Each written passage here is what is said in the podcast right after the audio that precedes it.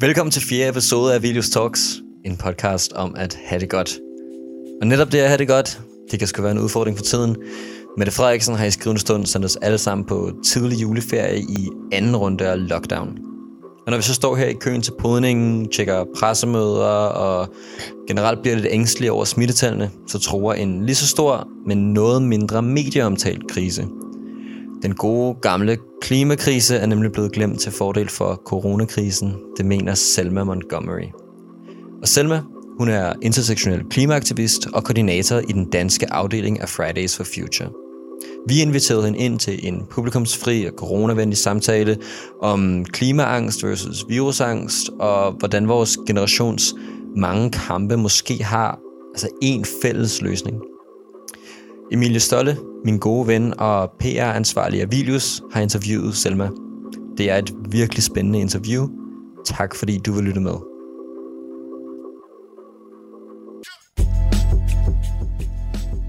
Hej Selma, Hej. og tak fordi du vil komme. Jamen selvfølgelig, jeg har glædet mig. Det har jeg også virkelig meget. Øh, vi sidder jo her midt i anden lockdown den 17. december. Meget tæt på jul. Hvad har du brugt sådan en dag på som i dag? Jeg har øh, haft online undervisning. Det var mm. syv hårde timer for en Zoom. Øh, så jeg har gået en lang tur. Ja. Det var rigtig dejligt. Øh, og så har jeg skrevet lidt på sådan en, øh, en pitch til et projekt, jeg er i gang med at lave. Spændende. Så er jeg her nu. Ja. Højdepunktet. Nå, det er jeg glad for, at du siger. Det er virkelig også øh, mit højdepunkt på dagen. Men øh, nu, jeg ved lidt om dig, men det er jo ikke sikkert, at øh, dem, der lytter, gør det. Så måske du vil starte med at fortælle lidt om dig selv, og hvad det er, du laver.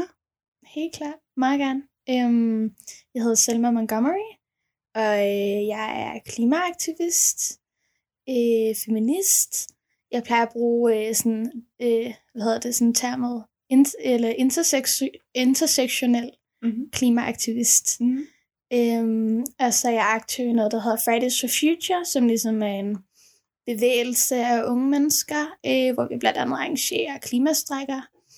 Øh, de store klimastrækker, der var meget op til valget blandt andet, hvor vi var mange tusind på gaden i Danmark. Øh, og det er sådan en del af den globale bevægelse Fridays for Future, hvor vi var hvor vi har været 6-7 millioner på gaden over hele verden. Øh, så ja, det er primært det, jeg bruger min tid på. Øh, alle mulige former for aktivisme, hovedsageligt klimaaktivisme. Det lyder også som, øh, som noget, man kan bruge en stor del tid på. Ja, det skal jeg lige love for. Hvad, øh, hvad fik dig sådan til at gå ind i klimakampen? Mm. Øhm, så jeg tror, øh, altså jeg har været aktivist i halvandet år nu. Og jeg tror, at som ung, så har du lidt, du har en bevidsthed om klimakrisen, men der er også lidt en idé om, at der er måske nogle andre, der tager sig af det, at du er lidt for optaget af ligesom, dit eget liv og de, de, de problemer, du møder der, til ligesom rigtigt at forholde dig til det. Øh, måske egentlig også, fordi det er lidt for skræmmende. Altså, det er så uoverskueligt, det er så abstrakt, det er sindssygt skræmmende øh, med den her krise, der ligesom lurer. Så jeg tror lidt, man går ligesom lidt og skubber det om i baghovedet og tænker, at der er nogle voksne mennesker, der har styr på deres ting, der ordner det. Øhm, og måske også lidt som en overlevelsesmekanisme, ikke? Øh, hvor at der, da Fridays for Future ligesom opstod med Greta Thunberg, der ligesom begyndte hendes skolestrække, så tror jeg ligesom lige pludselig, at jeg fandt en platform Mm. og et sted og et fællesskab, hvor jeg kunne øh, se min frygt for klimakrisen i øjnene, og hvor jeg ligesom også kunne handle på det. Og det fik mig ligesom til at finde den der frygt, jeg havde gået med om i baghovedet frem. Fordi nu havde jeg på en eller anden måde styrken, eller på en eller anden måde nogen at sætte den, i øjnene, den her frygt i øjnene sammen med. Øh, og det tror jeg var rigtig vigtigt for mig, at det var ligesom, når, jeg, når man først ligesom har åbnet den der ind til sådan aktivisme eller klimaaktivisme, så kan man ikke rigtig lukke det igen, vel? Så er man ligesom i gang, og så har det jo kørt siden da. Ja, og det, øh, det glæder mig sindssygt meget til, at vi skal snakke om netop det her med, hvordan man kan håndtere de her store problemer mm. Som ungt menneske også. Men øh, jeg tænkte også lige på, øh, Fridays for Future vil du måske sætte nogle ord på, hvad det er for en, en organisation, er det det? Altså, vi er lidt mere en bevægelse, Ja, ja. øhm, hvilket er sådan et lidt mere flydende begreb, ikke? Mm.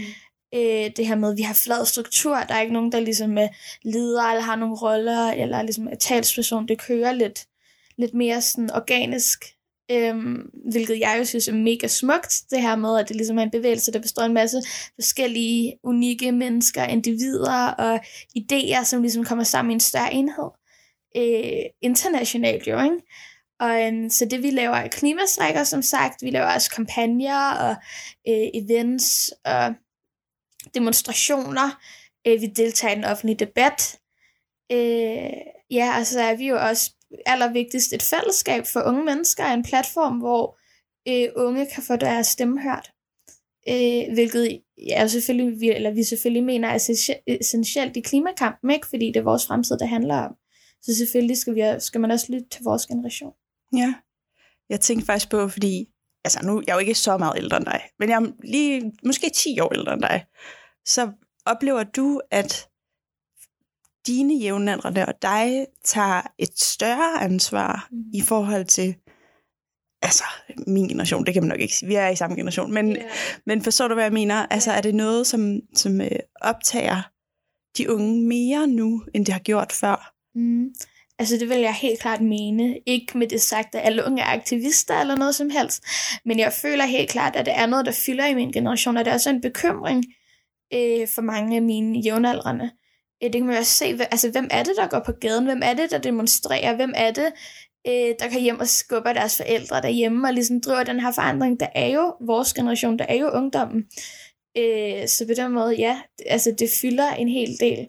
Måske også fordi, at du som ung, jeg tror, du ser tingene måske lidt skarpere perspektiv, og du ligesom ikke, øh, du har ikke vendet dig så meget til ligesom samfundet, og øh, den her lidt mere sådan konservative idé om sådan, at tingene, som bliver tænkt ved med at være, ikke? Du har ligesom øh, et lidt, altså sådan, alt er muligt. Mm. Så hvis der er en krise, så gør vi noget ved krisen. Og vi gør noget ved krisen, fordi der er behov for, at vi gør noget ved krisen. Der er ikke andet, vi, vi kan lade være med at gøre. Øh, og det er muligt, for det skal være muligt. Ikke? Øh, så det tror jeg, på den måde tror jeg, at sådan, ungdom har mange kvaliteter, som gør, at vi, at vi ligesom er bedre til at se krisen i øjnene og handle på den. Ikke? Jo, jo, helt sikkert.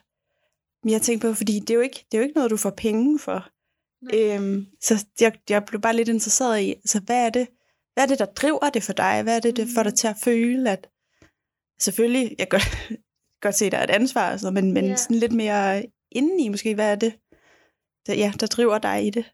Ja, øhm, sådan helt generelt, øh, så tror jeg altid, jeg har været, jeg har været lidt en aktivist, også i den forstand, at jeg har også ligesom blevet opdraget med en idé om, at øh, vi er her i verden for at efterlade verden en lille smule bedre, end den var, øh, når vi, øh, da vi kom hertil, ikke? når vi tager fra igen. Øh, ja, hvilket jeg synes er en meget smuk tanke med det her med at se os selv som sådan handlende, handlende individer, der kan have en indflydelse på øh, samfundet og verden og samfundets strukturer.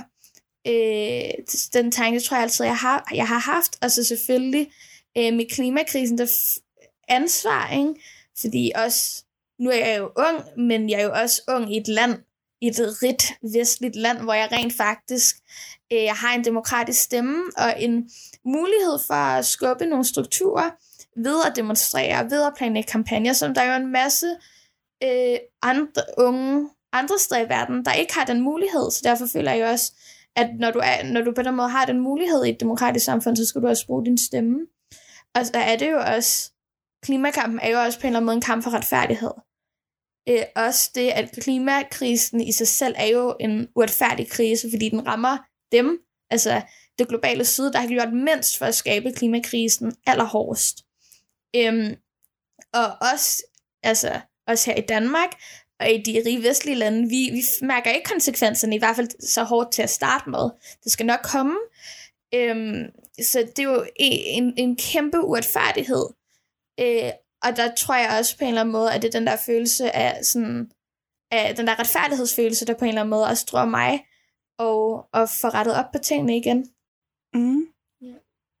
Tror du, altså hvad tror du, der er sket siden? Fordi at det er vel noget, der er rimelig nyt, mm. at der er så mange, som går ind for det. Eller er det rigtigt forstået? Ja, altså interesserer sig for klimaet ja. generelt, ja. Tror du, at fordi klimakrisen er vel noget, der har været mm. lang tid. Ja. Øhm, tror du, der er sket noget i ungdommen, som har gjort, at, at nu er der faktisk nogen, der gerne vil gøre noget? Ja. Øhm, altså, jeg tror, altså, der har på en, måde, der er på en eller anden måde kommet en, en mulighed for, at du kan handle på klimakrisen. Ikke? Lige pludselig blev det ligesom, det blev en problemstilling, og meget med sådan Greta Thunberg, der startede med at strække, men før det var det også en masse øh, sådan ungdomsbevægelser og grupper og sådan noget, der forholdt sig til det her, men det blev rigtig mainstream, da Greta Thunberg ligesom begyndte at strække, fordi nu var der lige pludselig, igen, der blev skabt et fællesskab om det, der blev skabt en bevægelse omkring klimakrisen, og et sted, hvor at du lige pludselig kunne sige fra.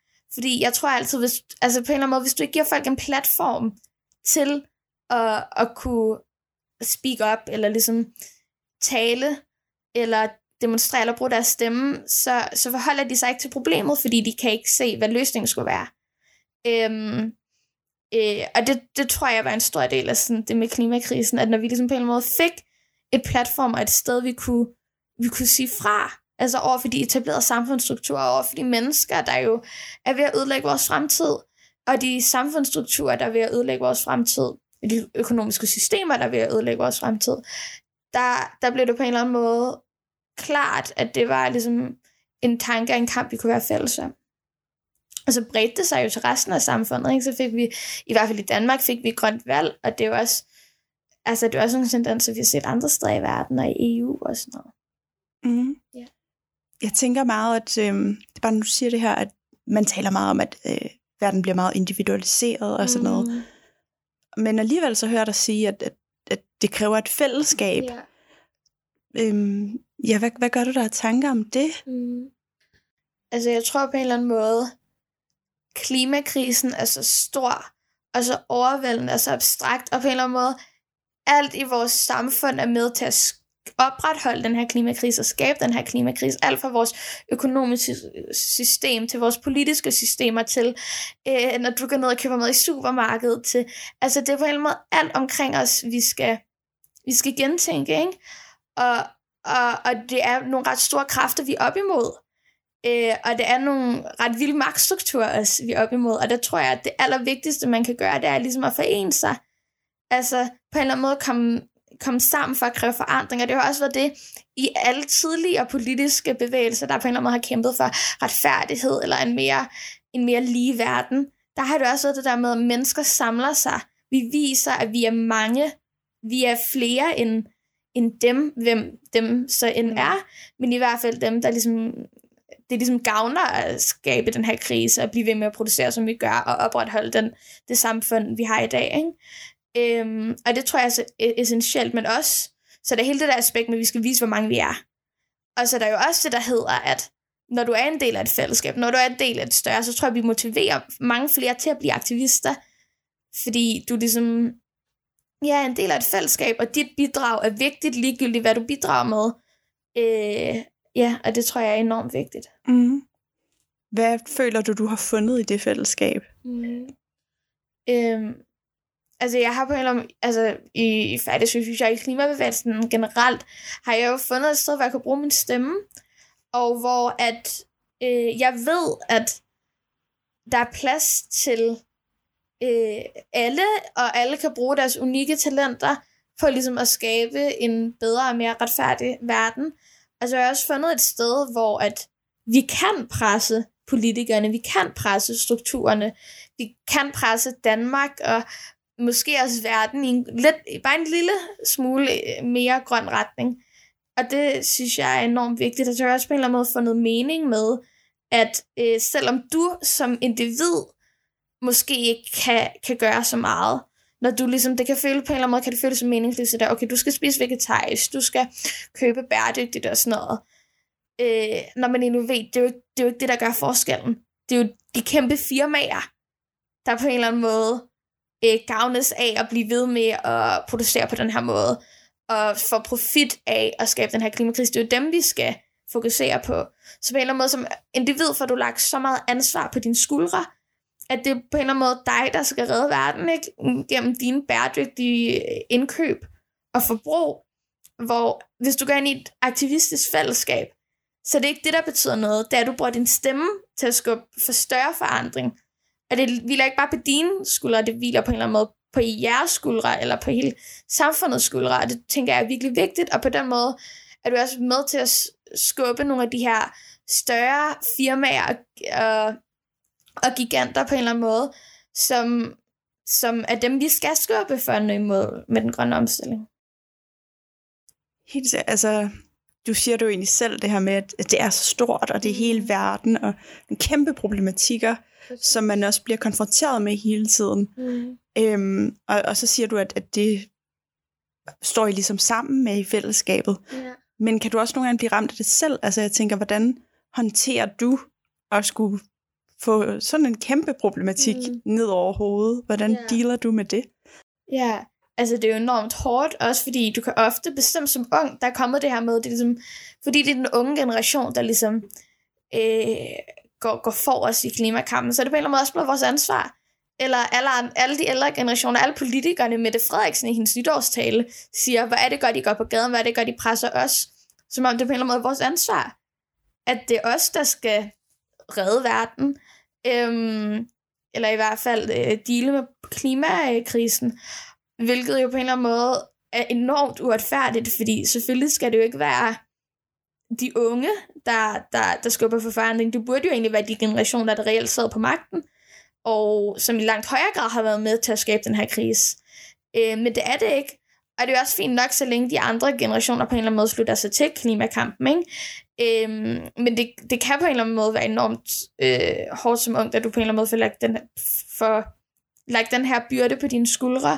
Og jeg mærker det jo også personligt, det her med, at du bliver tvunget til at tage del i et samfund, i et, et forbrugssamfund, i nogle mønstre, hvor du ikke kan lade være med via dine handlinger at skade jorden, at skade verden, og skade mennesker, der lider under klimakrisen.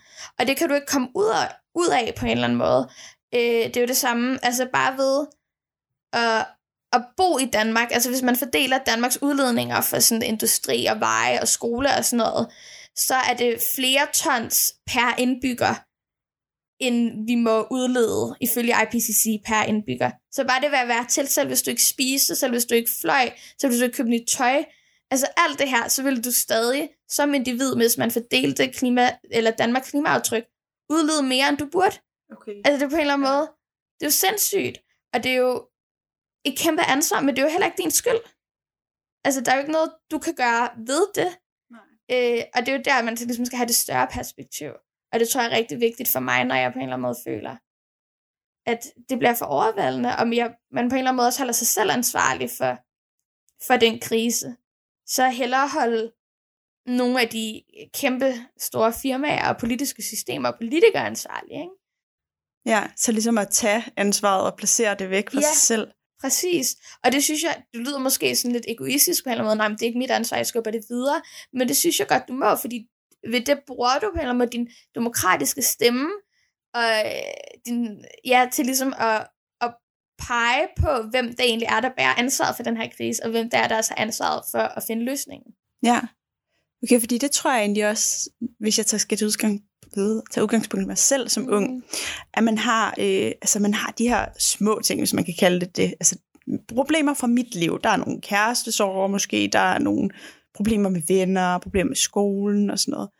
Så jeg tænkte bare på, hvordan man kan opveje sine egne små problemer, når man hele tiden har sådan en, et, et kæmpe problem i baghånden, eller sådan i baghovedet. Forstår du, hvad jeg mener? Ja. At, det, at man på en eller anden måde også finder med... Altså, der er alle mulige individuelle ja, altså, problemer at det kan liv. fylde meget. Mm. Altså, jeg føler i hvert fald, at, at det kan fylde meget, hvis jeg har noget, jeg går og tumler med, som er helt mit eget. Mm. Så hvordan, hvordan får du plads til dine mm. egne små problemer, hvis man kan spørge sådan? Ja, men altså selvfølgelig fylder det jo altid mere for dig individuelt, det der rammer dig direkte. Du mærker jo ikke konsekvenserne af klimakrisen direkte. Og det er jo fordi, vi er enormt privilegerede i Danmark. Altså, at vi ikke skal dele med konsekvenserne af en krise, vi skaber. Øhm, så, så på en eller anden måde, så er det meget nemmere at lukke øjnene for, ikke? Hvorimod de problemer, der fylder i din hverdag, det der med, okay, hvad med kæresten, og hvad nu med studie, og alle mulige ting, øh, det er på en måde nemmere at forholde sig til, at det er nemmere at gå til. Øh, Men hvor jeg på en eller anden måde tror, at for mig i hvert fald er klimakrisen ikke noget, jeg kan kigge væk fra. Eller sådan, det er noget, der på en eller anden måde altid er inde i mit hoved, og lidt som sådan en, det ved jeg ikke, mørk sky over mig i mit liv, men på en eller anden måde har jeg også lært at leve med det, og det tror jeg, vi alle sammen skal lære at leve med, at der er jo en realitet, at der kommer, at der er en klimakrise, og som det går lige nu, og på den måde, eller sådan, at verdensleders mangel på, handling, øh, på handling, betyder nok også, at der nok også kommer et klimakollaps, eller et samfundskollaps, øhm, i, i, i det her århundrede. Ikke? Så på en eller anden måde, at skulle lære at leve med det, er jo selvfølgelig også er hårdt, men det betyder jo ikke også, at du ikke også skal have lov til at være et, et menneske. Altså selvfølgelig har du individuelle problemer, og det er også okay, og du skal også have lov til at være i den her verden. Øh, og det tror jeg også bare er vigtigt, at man ligesom ikke... Altså jeg kan nogle gange godt have det sådan lidt, hvis jeg så har man et eller andet problem i sit liv, og man er sådan, jeg er så privilegeret. Altså hvordan, det er jo ikke noget problem, og det er det jo ikke. Øh, det er jo helt rigtigt, men det ændrer jo ikke på, at vi er mennesker, og skal have lov til at, at føle det at være mennesker, og at vi er født ind i et samfund, der fungerer på en bestemt måde, og som skaber nogle bestemte problemer, men også på en eller anden måde, ja, øh, prioriterer nogle forskellige ting, ikke? Mm. Så det her med individualisme før fællesskab og sådan noget. Øh, og, det, og det er jo også, okay, det er jo ikke din skyld. Nej, nej, det, det er rigtigt. Men ja, alligevel, der er jo det der, mm. det der, på en eller anden måde, så også, synes jeg, det er meget sådan over alt overskyggende i forhold til, mm. at det fylder rigtig meget i hverdagen. Yeah. Så jeg tænkte på, er der nogle dage, hvor du bare sådan, åh, nu kan jeg lige op på klimaet i dag. Mm. Det, jeg kan ikke forholde mig til det, fordi yeah. der lige er et eller andet andet. Mm. Jo, men det, altså, jo, selvfølgelig er der det. Øhm, altså generelt fylder det jo rigtig meget. Men jeg har jo også dage, hvor der på en eller anden måde, altså nogle bliver man også være nødt til at tage en pause. Eller bare været sådan, verden er på en eller anden måde så fucked. Altså undskyld mit sprog, med det er den. Coronakrise, klimakrise, øh, forfærdelige ledere, øh, krig, uroligheder. Altså at være ung i dag, det er jo helt, øh, altså det er helt fucked. Og alt omkring, der kører bare rundt med sådan 200 km i timen, og du skal forholde dig til så mange ting, og så mange verdensskandaler, samtidig med, at du skal være ung og prøve at finde en identitet, og der er en masse nyt, og alt det her. Og, og det er på en eller anden måde også fint nok, ikke? Altså, sådan, det, det skal du lære at leve med, og det, øh, jeg har også dage, hvor at, så bliver jeg bare nødt til bare lige at øh, tage en pause, også bare for sådan dit mentale helbred, ikke? Bare lige tage en pause, bare lige tage et skridt væk fra det hele, og bare fokusere på nogle helt enkle ting. Også hvis vi skal på en eller anden måde være klar til at kunne kæmpe den her kamp og have det mentale overskud og kunne blive ved med at kæmpe og forholde os til realiteterne og sådan noget. Så det er også vigtigt, at vi passer på os selv. Og, og ligesom også nogle gange tager, tager en pause for det hele. Hvordan tager du den pause? Er der nogle ting, du... Ja. Altså, jeg kan rigtig godt lide at læse. Ja. Så jeg har... Det, jeg plejer at finde en god skønlitterær roman. Og så på en eller anden måde, så kan man ligesom tage et skridt væk fra det hele. Og i starten har jeg rigtig dårlig samvittighed, når jeg gjorde det. Fordi jeg følte lidt, okay, der på en eller anden måde, der er mennesker, der lider under det her, og ansvar og alt det her. Øhm, og nu sidder man på en eller anden måde og læser eller bruger andre, bruger tid på andre ting. Øhm, men som jeg sagde før, det er også vigtigt at gøre det. Så det tror jeg i hvert fald hjælper mig til ligesom at ja. Ja, helt sikkert. Nu sagde du selv, at øh, corona og det ja. hele, det tænker jeg også, at det bliver vi næsten nødt til at snakke om. Det kommer man ikke udenom. Øh, så sådan, hvordan er det at være klimaaktivist nu her mm. under corona? Det er meget frustrerende. Ja. Øhm, altså, som sagt, vi er en bevægelse, der ligesom bygger på, at vi kan gå på gaden, at vi kan mødes og se hinanden i øjnene og være sammen om det, og skubbe for forandring ved at gå mange tusind mennesker på gaden, ikke? og lige så kommer der en epidemi, hvor det kan vi ikke længere. Øhm, og i starten, selvfølgelig stoppede vi alle vores aktiviteter, da corona kom, og flyttede det hele online. Øh, og i starten fungerede det meget godt, men nu har det snart været et år, ikke?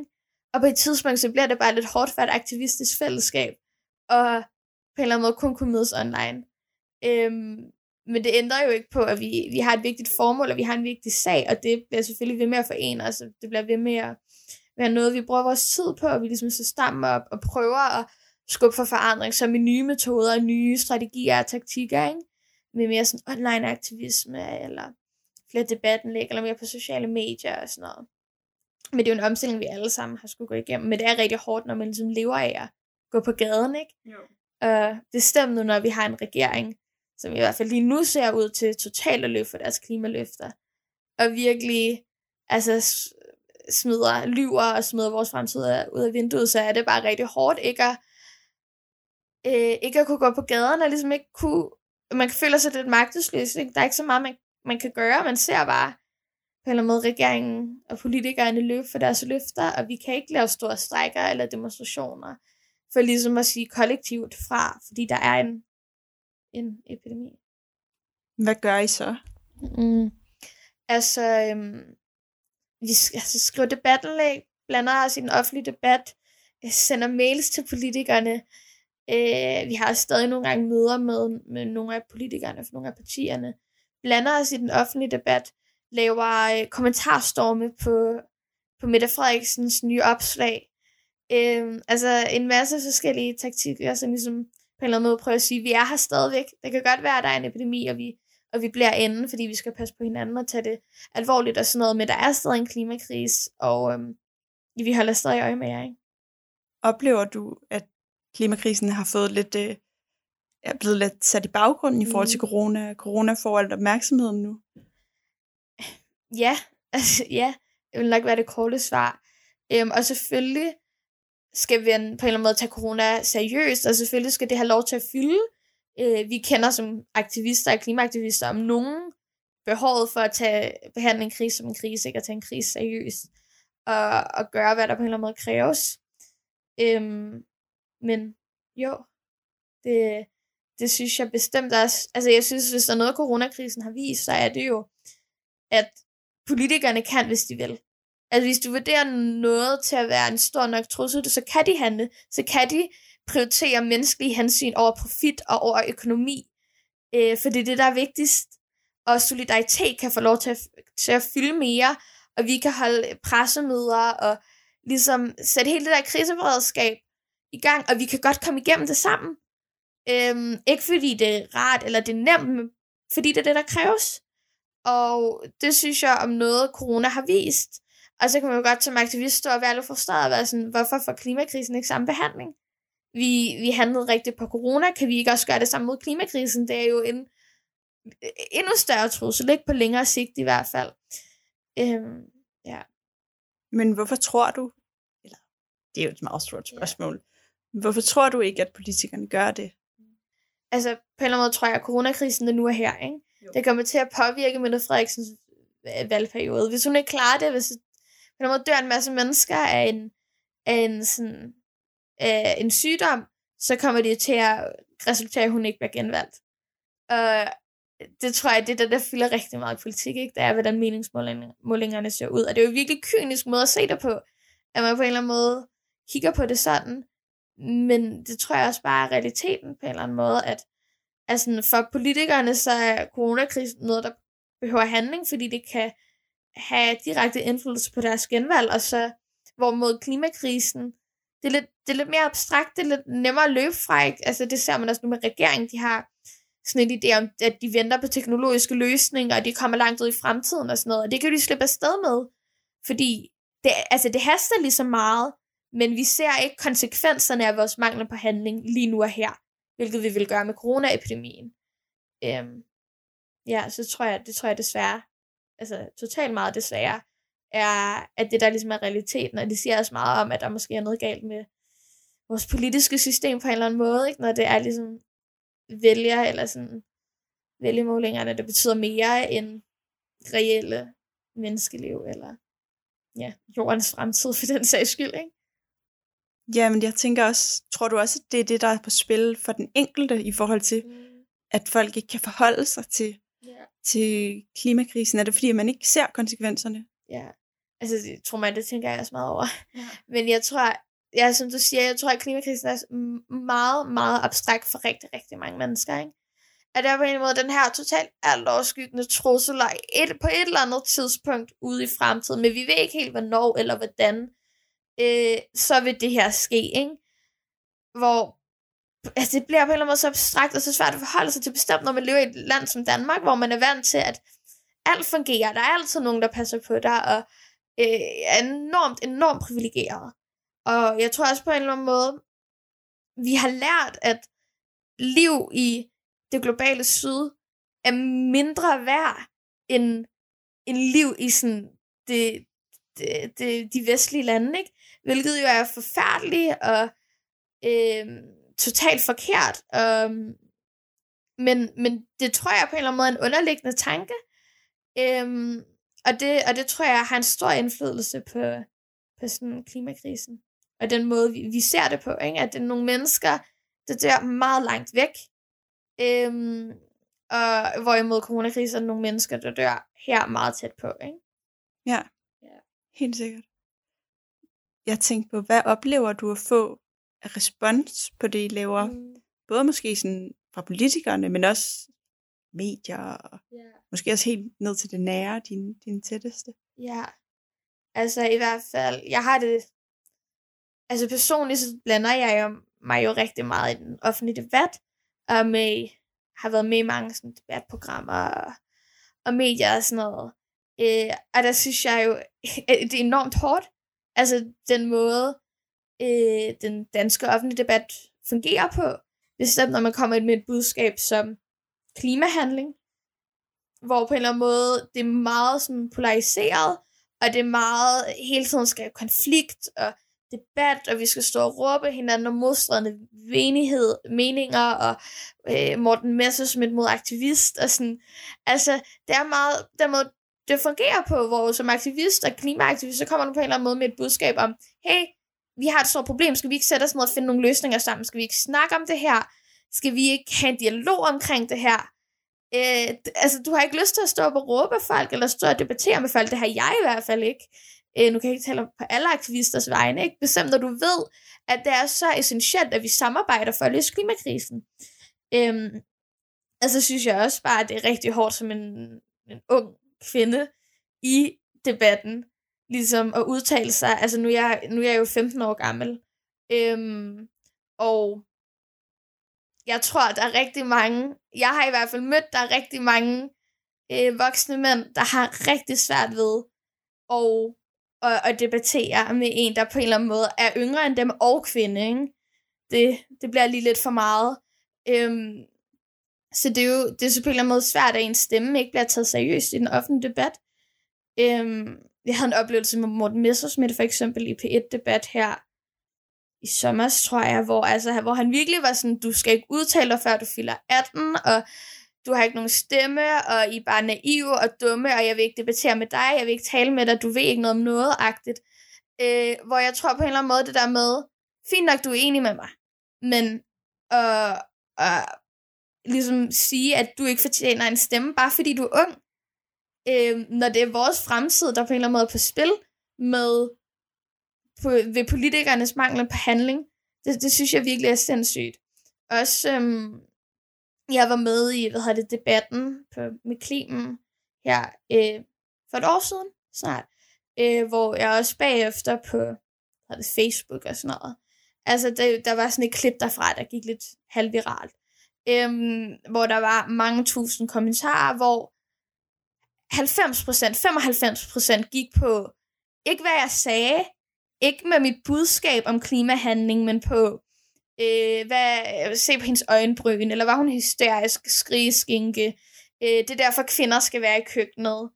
Øh, altså meget sexistiske og aldersdiskriminerende kommentarer, hvilket er en kæmpe udfordring, når du på en eller anden måde prøver at komme ud med et budskab. Og jeg møder det jo i langt mindre grad, end du gør, hvis jeg for eksempel var en ung sort kvinde, eller øh, altså tilhørt øh, ligesom nogle andre minoriteter, eller nogle minoriteter. Øhm, så det synes jeg på en eller anden måde, det har også været en øjenåbner for mig på, at den måde, vores offentlige debat fungerer på, hvor unuanceret det er, og hvor mange stemmer vi på en eller anden måde udelukker for den offentlige debat. Ja. Ja. Helt sikkert. Hvad, ja, ja, jeg er meget sådan forundret, eller det lyder, ja. ja. Men hvad, hvad gør du så? Altså, hvordan, hvordan håndterer du mm. at få sådan nogle kommentarer, for eksempel? altså på en eller anden måde, hvis du ikke gør alle de gamle hvide mænd sure, så, altså, så rykker du måske ikke på noget, ikke? Altså, det er jo en eller anden måde en bekræftelse i, at du har fat i noget af det rigtige. Øhm, hvilket, ja, jeg prøver at sige til mig selv, og ligesom mine andre, eller sådan, mine andre aktivistvenner, der oplever noget af det samme. Øh, men selvfølgelig er det jo på en eller anden måde hårdt at møde al den modstand, når du, du kommer ud med et budskab, der på en eller anden måde er så vigtigt, og, og noget, vi, vi alle sammen burde kunne samles om. Ikke? Også, også personligt er der nogen, der skal stille spørgsmålstegn med din ret til at udtale dig, når vi lever i et demokratisk samfund, hvor det er hele selve fundamentet for vores samfund er, at du kan ytre dig. Ikke? Virkelig, hvem du er. Ikke fordi jeg vil gå ind i hele den der ytringsfrihed-debat. Øh, øh, men ja, som jeg egentlig, øh, øh, det, det synes jeg er ret vildt, at du kan blive mødt med det. Men det viser også bare, at når du på en eller anden måde kommer ud som klimaaktivist, du prikker virkelig til noget, der rammer rigtig mange mennesker personligt. Jeg tror, der er rigtig mange, der føler sig angrebet, når du går ud og taler om klimahandling. Øhm, altså på en eller anden måde, nu er det mit kød, du vil tage fra mig, eller nu er det mig som person, du anklager for at ødelægge øh, din fremtid. Øh, og det tror jeg, der er rigtig ma- det, det får rigtig mange af de der internetkriger og trolls og sådan noget til tastaturet, som føler sig ret sådan... Øh, jeg så føler sig ret ramt af det. Men øh, ja, altså det viser os på en eller anden måde, at det er også vigtigt, hvordan vi kommunikerer klimakrisen, ikke?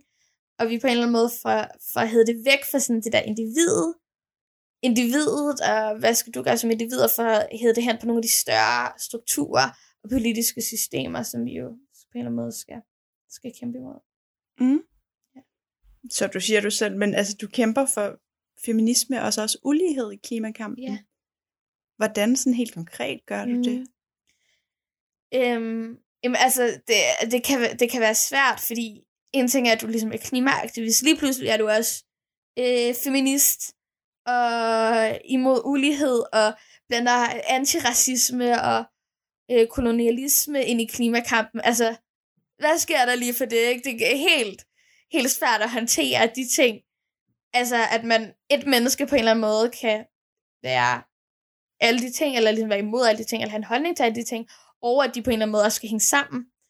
Øhm, så helt konkret, så for eksempel, så kalder jeg mig sådan intersektionel klimaaktivist, ikke? Hvilket ligesom handler om at se, det kan være, at jeg lige skal sådan introducere, ja, ja. hvorfor de ting overhovedet hænger sammen. Ikke? Ja. Men Hvilket ligesom er et... Øh, altså fordi jeg på en eller anden måde har en tro på, og det er også rigtig mange andre aktivister øh, og folk over hele verden, der på en eller anden måde øh, har en idé om, at altså, de her ting hænger sammen.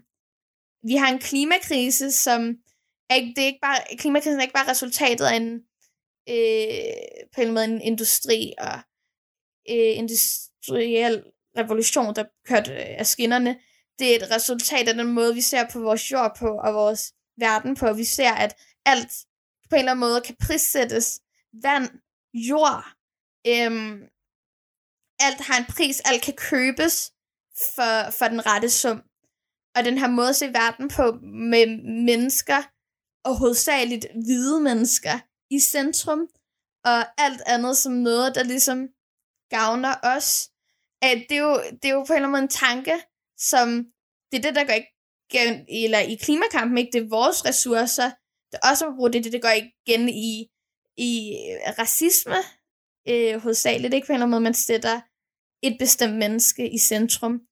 Øhm, og det er det, der også, altså også i en feministisk kamp, så handler det jo også om objektiviseringen af kvinder, at vi bare ser kvinder som et objekt, og nogle kroppe, som vi på en eller anden måde har berettigelse til at bruge, og som er til for os eller øh, hvilket er det samme syn, vi har på naturen og jorden. Ikke? Du kan også se det, hvis du går på du, et træ er ligesom til for, at du, kan, du går og kigger på det. Ikke? Øh, hvor altså sådan objektivisering af kvinder på den måde også hænger sammen. Og så er det jo også, ofte er det bare en ret lille elite, eller sådan skare af, af rige hvide mænd, som både gavnes, eller sådan totalt øh, profiterer på klimakrisen. Altså alle de der CEOs af, øh, af hvad hedder det, alle mulige forskellige oliefirmaer. Altså hvis du, øh, og som også er dem, der profiterer på et patriarkalt system, og et, øh, hvad hedder det, også totalt racistisk øh, system. Øh, og det er jo på en eller anden måde dem, vi, vi, vi kæmper imod, ikke? Ja, og det tror jeg ligesom er vigtigt at holde sig for øje, at det ligesom er en sammenhæng mellem alle de her ting. Øhm, ja. Så øhm, for at komme tilbage til dit sådan, originale for, øh, spørgsmål, hvordan inkorporerer jeg ligesom det i min aktivisme, ikke? Bare det at tale om det, det tror jeg er rigtig vigtigt, fordi der er mange, der overhovedet ikke på en eller anden måde har øhm, er ligesom connected the dots, ikke? Folk har ligesom ikke set den sammenhæng. Øhm, og det tror jeg bare er rigtig vigtigt, at man ligesom taler om det som, det er selvfølgelig en masse forskellige kampe, enormt vigtige, essentielle kampe, øh, men det er jo også på en eller anden måde en stor kamp for retfærdighed, som for et mere lige samfund, og, og ja, mere retfærdigt samfund. Og det tror jeg er rigtig vigtigt, at folk ligesom har, har den sådan udvidede bevidsthed, og det er på en eller anden måde lidt klare syn på, på verden og de strukturer, vi er op imod. Øhm, så taler om det, nu sidder jeg her, snakker, øhm, og ligesom også det der med at også, jeg tror også for mig er det vigtigt også at fokusere på mit privilegie som aktivist. Altså jeg er øh, en hvid kvinde, jeg er fra et rigt vestligt land, at jeg har øh, kommer fra en øh, god familie. Jeg skal ligesom ikke, jeg skal ikke arbejde for ligesom at brødføde min familie ved siden af min aktivisme. Vel? Jeg har alle de her privilegier, som, som gør, at jeg har meget mere muligheder, meget mere tid til at lave aktivisme, og en mulighed for at gøre en meget større indflydelse, som alle mulige andre unge mennesker måske ikke, eller mennesker generelt, ikke har den mulighed på grund af de her uretfærdige strukturer. Så det giver mig, det giver mig et kæmpe ansvar, men det giver mig også på en eller anden måde øh, vigtigheden ligesom at anerkende mine privilegier, jeg måske også har. Altså, som hvid, så ser jeg måske heller ikke, eller det gør jeg ikke, jeg ser ikke alle de måder, hvor racisme og klimakriser som spiller sammen. Øhm, fordi jeg på en eller anden måde har de her blinde vinkler, ikke? Og det tror jeg også er rigtig vigtigt for mig i min sådan, identitet som aktivist, at have den forståelse for mine egne privilegier. Også, var, også når jeg deltager i en offentlig debat, altså bare det, at jeg kan udtale mig i den offentlige debat, uden at blive mødt med, med racisme eller alle mulige andre ting. Det er også et kæmpe privilegie. Øhm, ja. Ja, helt sikkert. Jeg tænkte, og det må du sige, hvis du synes, det er et mærkeligt spørgsmål. Ja. Om du nogensinde, altså for nu er du gået ind i det, mm. og du mhm. spiller så stor en rolle i aktivistkampen, eller i, i klimaaktivismen. Ja. Øh, bliver du nogensinde, tænker du nogensinde, ikke hvorfor gjorde jeg det, men bliver misundelig på folk, som, nå, nu kan du bare øh, mm. passe din skole, og Ja. Ja, hvad er dine egne problemer? Ja. Altså helt klart hver dag, rigtigt, ikke? Fordi, som sagt, når du først har den bevidsthed, så kan du ikke lukke øjnene for det igen. Når du først har set klimakrisen i øjnene, så kan du, du kan ikke bare kigge væk igen. Øhm, så det er jo på en eller anden måde noget, der fylder enormt meget i mit liv, og jeg har fået alle mulige smukke og fantastiske ting ud af at være en aktivist. Men det er også virkelig hårdt, og du giver rigtig meget af dig selv i klimakampen og i den aktivistiske kamp. Og der tror jeg, på en måde kan man godt misunde alle de mennesker, der bare kan gå på arbejde, eller bare gå i skole, og ligesom bare fokusere og have et no- normalt liv. Øhm, når, når, ja, og ligesom ikke bekymre sig om hele verdens fremtid. Øh, og det tror jeg, ja, så det, det, det har jeg ofte. Øh, men på en eller anden måde, så tror jeg også, at jeg, jeg føler det her ansvar, og den her øh, drivkraft for retfærdighed. Så det er ikke fordi, jeg nogensinde tænker, nu stopper jeg, men man kan godt have tanken, vil jeg på en eller anden måde ønske, at jeg kunne glemme alt det her. at jeg ikke hele tiden begyndt, behøver at gå rundt med en klump i maven over, at, øh, at øh, uret tigger, og verdensledere ikke handler, og klimakollaps og samfundskollaps, og øh, at skulle forholde sig til uddannelse, men nu har jeg ikke overhovedet mening at tage en uddannelse, hvis, hvis det ligesom ikke bliver brugbart øh, i fremtiden og sådan noget. Øh, så, så jo, men den aktivistiske kamp er så vigtigt, så det er aldrig fordi, nogensinde fordi jeg tænker, at nu stopper jeg. Øh, men ja. Ja. Så tænker du også, at det er noget, du bliver ved med, at du vil blive ved med at også kunne motivere dig selv. Jeg tænker virkelig, altså jeg vil bare sige, at jeg synes, du er mega sej, fordi jeg synes, at det lyder meget, meget stort at skulle stå op og kæmpe ikke alene klimakampen, men også en kamp om feminisme og alle de her store kampe mm. hver dag jo. Ja. Øhm, jeg synes, det er rigtig mange mennesker, der på en eller anden måde gør, for det, det der er behov for. Og, og selvfølgelig, selvfølgelig er det hårdt, men det er også enormt givende at være aktivist. Ikke? Du, er med til, at, du er med til at gøre en forskel. Øhm, og så, men det er, altså klimakamp og alle de her kampe, er jo på en eller anden måde, så alle de her kampe, som er en kamp, øh, jeg ved aldrig, om man skal omtale det i sådan ental eller flertal, eller kampe, eller kamp, ja. Øhm, men det er jo ikke en kamp, der bliver vundet i min livstid, eller i min børns livstid, for den sags skyld, vel? Så altså, jeg regner jo med at være aktivist resten af mit liv. Øh, en aktivist er også, at være aktivist er også ligesom en måde at gå ud i verden på, ikke? Det er en måde at se verden på, hele tiden fra en handlingsorienteret vinkel. Hele tiden prøve at se igennem de sandheder, du bliver fortalt, og, og, og prøve at se de sådan, reelle strukturer i samfundet, og hvordan du kan gøre en forskel, og hvordan du kan ændre dem. Øhm, så sådan, ja, jeg kommer til at være aktivist til jeg dør, og det, ja, det kan selvfølgelig sådan være, være hårdt at tænke på, men det på en eller anden måde, det giver også mening, ikke? Jo, så når du siger, det kan være hårdt at tænke på, hvad er det så alligevel, der får dig til? Ja. Er det et retfærdighedssandt, eller Ja. som du taler om? Ja. Jamen, det er på en eller eller anden måde. Eller, Ja. ja. det er jo en blanding af alle mulige ting, ikke? Det er ansvarsfølelsen, øh, at den her kamp er så vigtig. Det er en kamp for retfærdighed. Det er også øhm, en kamp for, ja, altså på en måde, den her smukke verden, vi mister lige nu. Så mange mennesker, der, der lider under det her. Øh, så det er selvfølgelig en, sådan, en, en drivkraft bag, ikke? ja. Ja. Jeg hørte også lidt sige, at det er en kamp for fællesskabet. Ja, Og lidt igen tilbage til den her individualistiske Mm. udvikling, som man så meget snakker om i samfundet. ja. Tror du, at, at, øh, at vores samfund kan bære det? Altså fællesskabet, eller At klimakampen? øh, jamen, kan, kan fællesskabet omkring klimakampen mm. få lov at leve Ja. i fremtiden? Eller kommer det her individualistiske til at, at fylde for meget? Mm. Altså, jeg ved det jo ikke, men jeg ved, at for at løse klimakrisen, så bliver vi nødt til at lade det her fællesskab vokse. Så sådan, altså hvis vi ikke gør, så er kampen på en eller anden måde tabt, ikke? Så jeg bliver nærmest nødt til at sige, det bliver, den- det bliver det nødt til. Ja. Altså der er ikke anden mulighed, end at fællesskabet vokser, og vi i langt højere grad bliver nødt til at se os selv som en del af en større enhed, som en del af, en, af et, et fællesskab, altså som en del af en, en menneskehed, øh, og som aktive individer, der kan skubbe for forandring.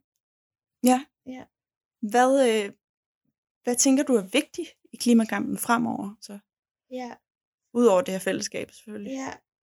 Jamen, det, det er et godt spørgsmål. Jeg tror, at øh, selvfølgelig fællesskab, men jeg tror også, det på en eller anden måde er øh, essentielt, at, at vi at folk begynder at indse, at klimakampen er ikke bare at være aktivist, er ikke bare for, for de få, det er i langt højere grad sådan for de mange. Vi kan alle sammen være aktivister, det handler om, hvordan vi bruger vores unikke styrker og, og gaver på en eller anden måde til at skubbe for større forandring. Og vi kan gøre det på vores arbejdsplads, vi kan gøre det i vores lokalmiljø, vi kan gøre det øh, på vores uddannelser, i vores skoler. Øh, alle mulige steder kan vi skubbe for forandring, så det der med på en eller anden måde, at vi skal kommunikere ud, at være aktivister ikke bare fordi der er totalt crazy mennesker, der kan gå på gaden og demonstrere og råbe og blokere veje og sådan noget. Der er tusindvis af måder at være aktivist på. Øh, og der er jo også en masse mennesker, som kan, kan måske ikke gå på gaden på grund af handicap eller forskelligt, eller en masse mennesker, der måske ikke kan være med til at blokere vejene, fordi at politiet behandler dem øh, uretfærdigt eller ulige. Og det er jo også på en eller anden måde at skabe en kamp, der er så bred og så mangfoldig, at der er, der er plads til alt det. Og de tusindvis af måder, der er at være aktivist på. Øhm, så tror jeg også, det er enormt vigtigt i klimakampen, får i langt højere grad det her intersektionelle perspektiv. Altså, og, og det her syn på, at kampene hænger sammen. Og, og at det ikke bare handler om nogle... Ofte så bliver det på en eller anden måde, klimakamp bliver gjort til... Det, det bliver gjort så kedeligt. Og det, og det, ja, det lyder måske lidt mærkeligt med det der med, at det bliver gjort til nogle tal og nogle grafer, der skal gå ned, og det er kun sådan nogle akademiske øh, mennesker, der kan gå op i det, hvor klimakampen handler også om følelser, det handler om, at den her smukke verden smuldrer væk, det handler om retfærdighed, det handler om sorg, det handler om, om, om tusindvis af ting. Det handler om drømme, det handler om håb, det handler om fællesskab. Øhm, ikke bare om nogle quoter og grafer og sådan noget, der skal gå ned. Og det tror jeg også på en eller anden måde, at kunne se det et mere sådan holistisk øh, perspektiv, det tror jeg er virkelig essentielt for, at, at vi kan vinde klimakampen. Øh, og så også bare kæmpe med, eller sådan, kæmpe med vores følelser. Øh, og bruge vores følelser aktivt i klimakampen. Altså det her med, jeg føler, at der er en stor sorg over, at vi mister den her smukke verden. Er det forfærdeligt? Og alle de mennesker, der lider og mister livet. Og det er okay at have den følelse, du kan bruge den aktivt i kampen. Det behøver ikke bare være sådan noget rationelt, øh, tænke, tænke noget. Jeg tror egentlig, vi får mange flere med, hvis vi appellerer til folks hjerter, i stedet for deres hoveder. Og det tror jeg er virkelig vigtigt. Mm. Synes du øh, på nogle måder, det kan være grænseoverskridende at skulle tage dig selv så meget ind i det? Altså også når du skal stå frem offentligt og sådan noget. Mm. Jeg synes, det er enormt grænseoverskridende. At det tog også rigtig lang tid at lære ligesom at bruge mig selv på en eller anden måde i, i klimakampen, og altså bruge mig som aktivist. Altså det er meget nemmere at distancere dig selv fra det, ikke? Lidt tale om sådan, igen tale om de der tal og sådan ja. noget. Men jeg tror bare, det har en meget større, det har en meget større effekt, og en meget større indflydelse, hvis du øh, appellerer til folks følelser. Og hvis du bruger din egen oplevelse, din egen frygt, din, ja, ligesom bruger dem aktivt i din aktivisme, øh, det tror jeg er enormt vigtigt, men det kræver også noget sårbarhed, øh, som jeg sådan stadig kæmper med, ikke? Det er jo sådan en ongoing fight.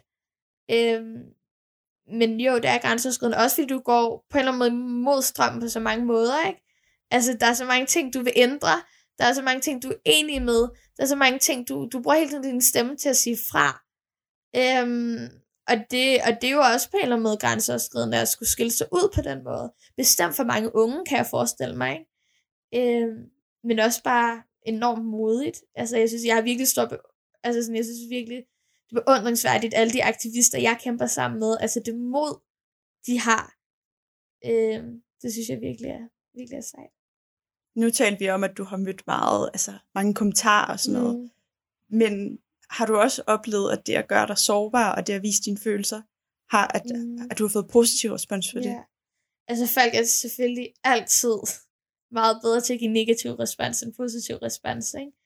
Men, men jo, øh, og det er jo egentlig heller ikke, altså det er jo ikke det, der betyder noget. Det vigtigste for mig er jo bare, at det på en måde planter et frø i nogle folk, som en frø af bevidsthed om klimakrisen. Altså måske kan man ikke se det lige til at starte med, Øh, og måske føler folk sig krænket og stødt, eller i starten, øh, jeg tror også på en eller anden måde, lige så langsomt vil det frø vokse. Og, og det tror jeg, at det, jeg ligesom prøver at forholde mig til, når man udtaler sig i debatten. Og igen, når de gamle hvide mænd bliver sure, så gør man, trykker man på nogle rigtige knapper, ikke?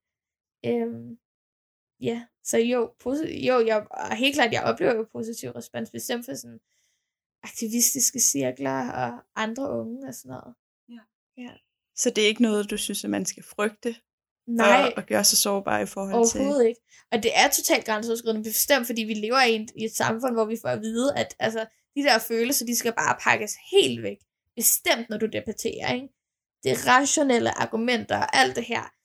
Øhm, så det er på en eller anden måde også at gå imod hele den idé. Men øhm, ja, jeg, altså, jeg, det, jeg synes virkelig, der kommer mange på en eller anden måde resultater ud af det, og du taler virkelig du gør virkelig en forskel, og du taler til nogle menneskers hjerter, og det er det, vi har behov for, ikke? Øhm, hvilket er enormt vigtigt, så det er grænseoverskridende. Det er også bare, det er også på en eller anden rejse, du skal ud på som aktivist. Det er ikke fordi alle behøver være så sårbare, vel?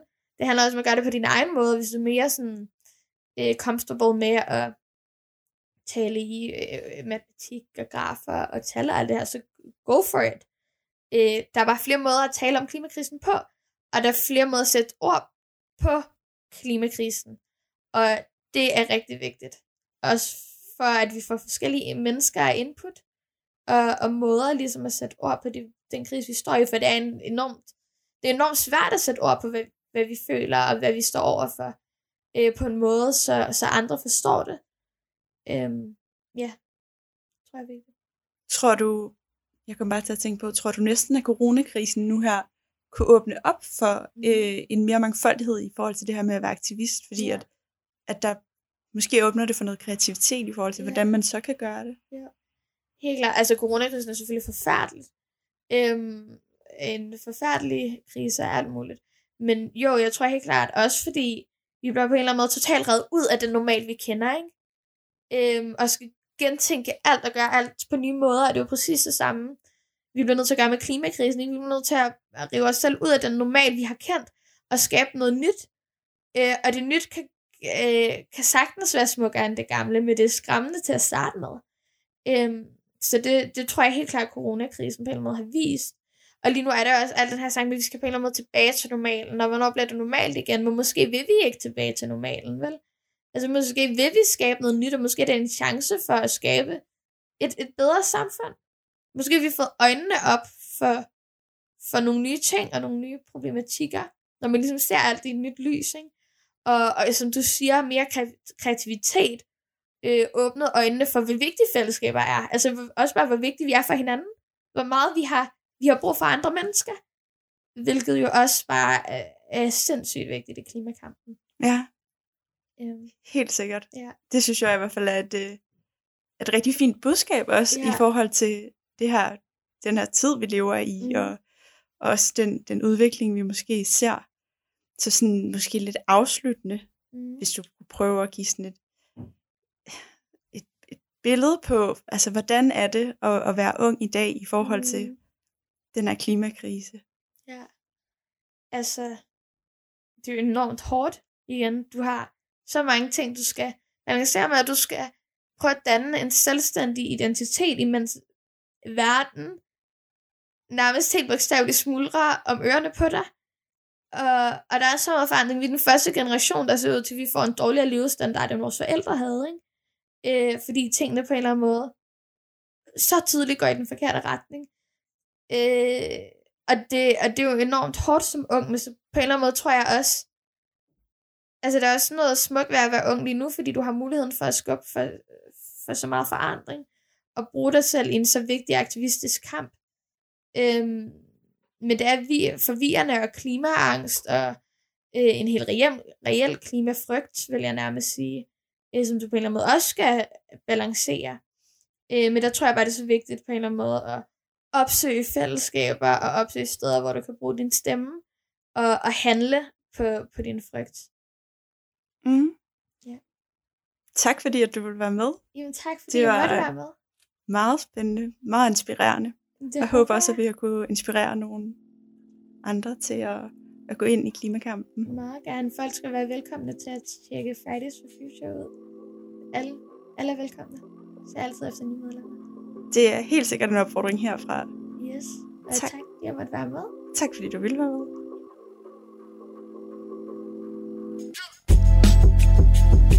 Det var alt for denne gang. Selma og Fridays for Future de fortsætter deres aktiviteter virtuelt for nu, og leder altid efter nye aktivister til at joine dem på barrikaderne, så tjek dem ud. Har du eksamener her i januar, så har vi internt fundet vores bedste råd til at håndtere den her super stressende periode, og lavet en lille guide. Send os din mail via linket i beskrivelsen, så sender vi guiden til dig i små overskuelige bidder over de næste par dage. Avilius er en gruppe psykologistuderende, som tilbyder motiverende samtaler om mental trivsel til SU-venlige priser. Og første samtale, den er altid gratis. Tak fordi du lyttede med.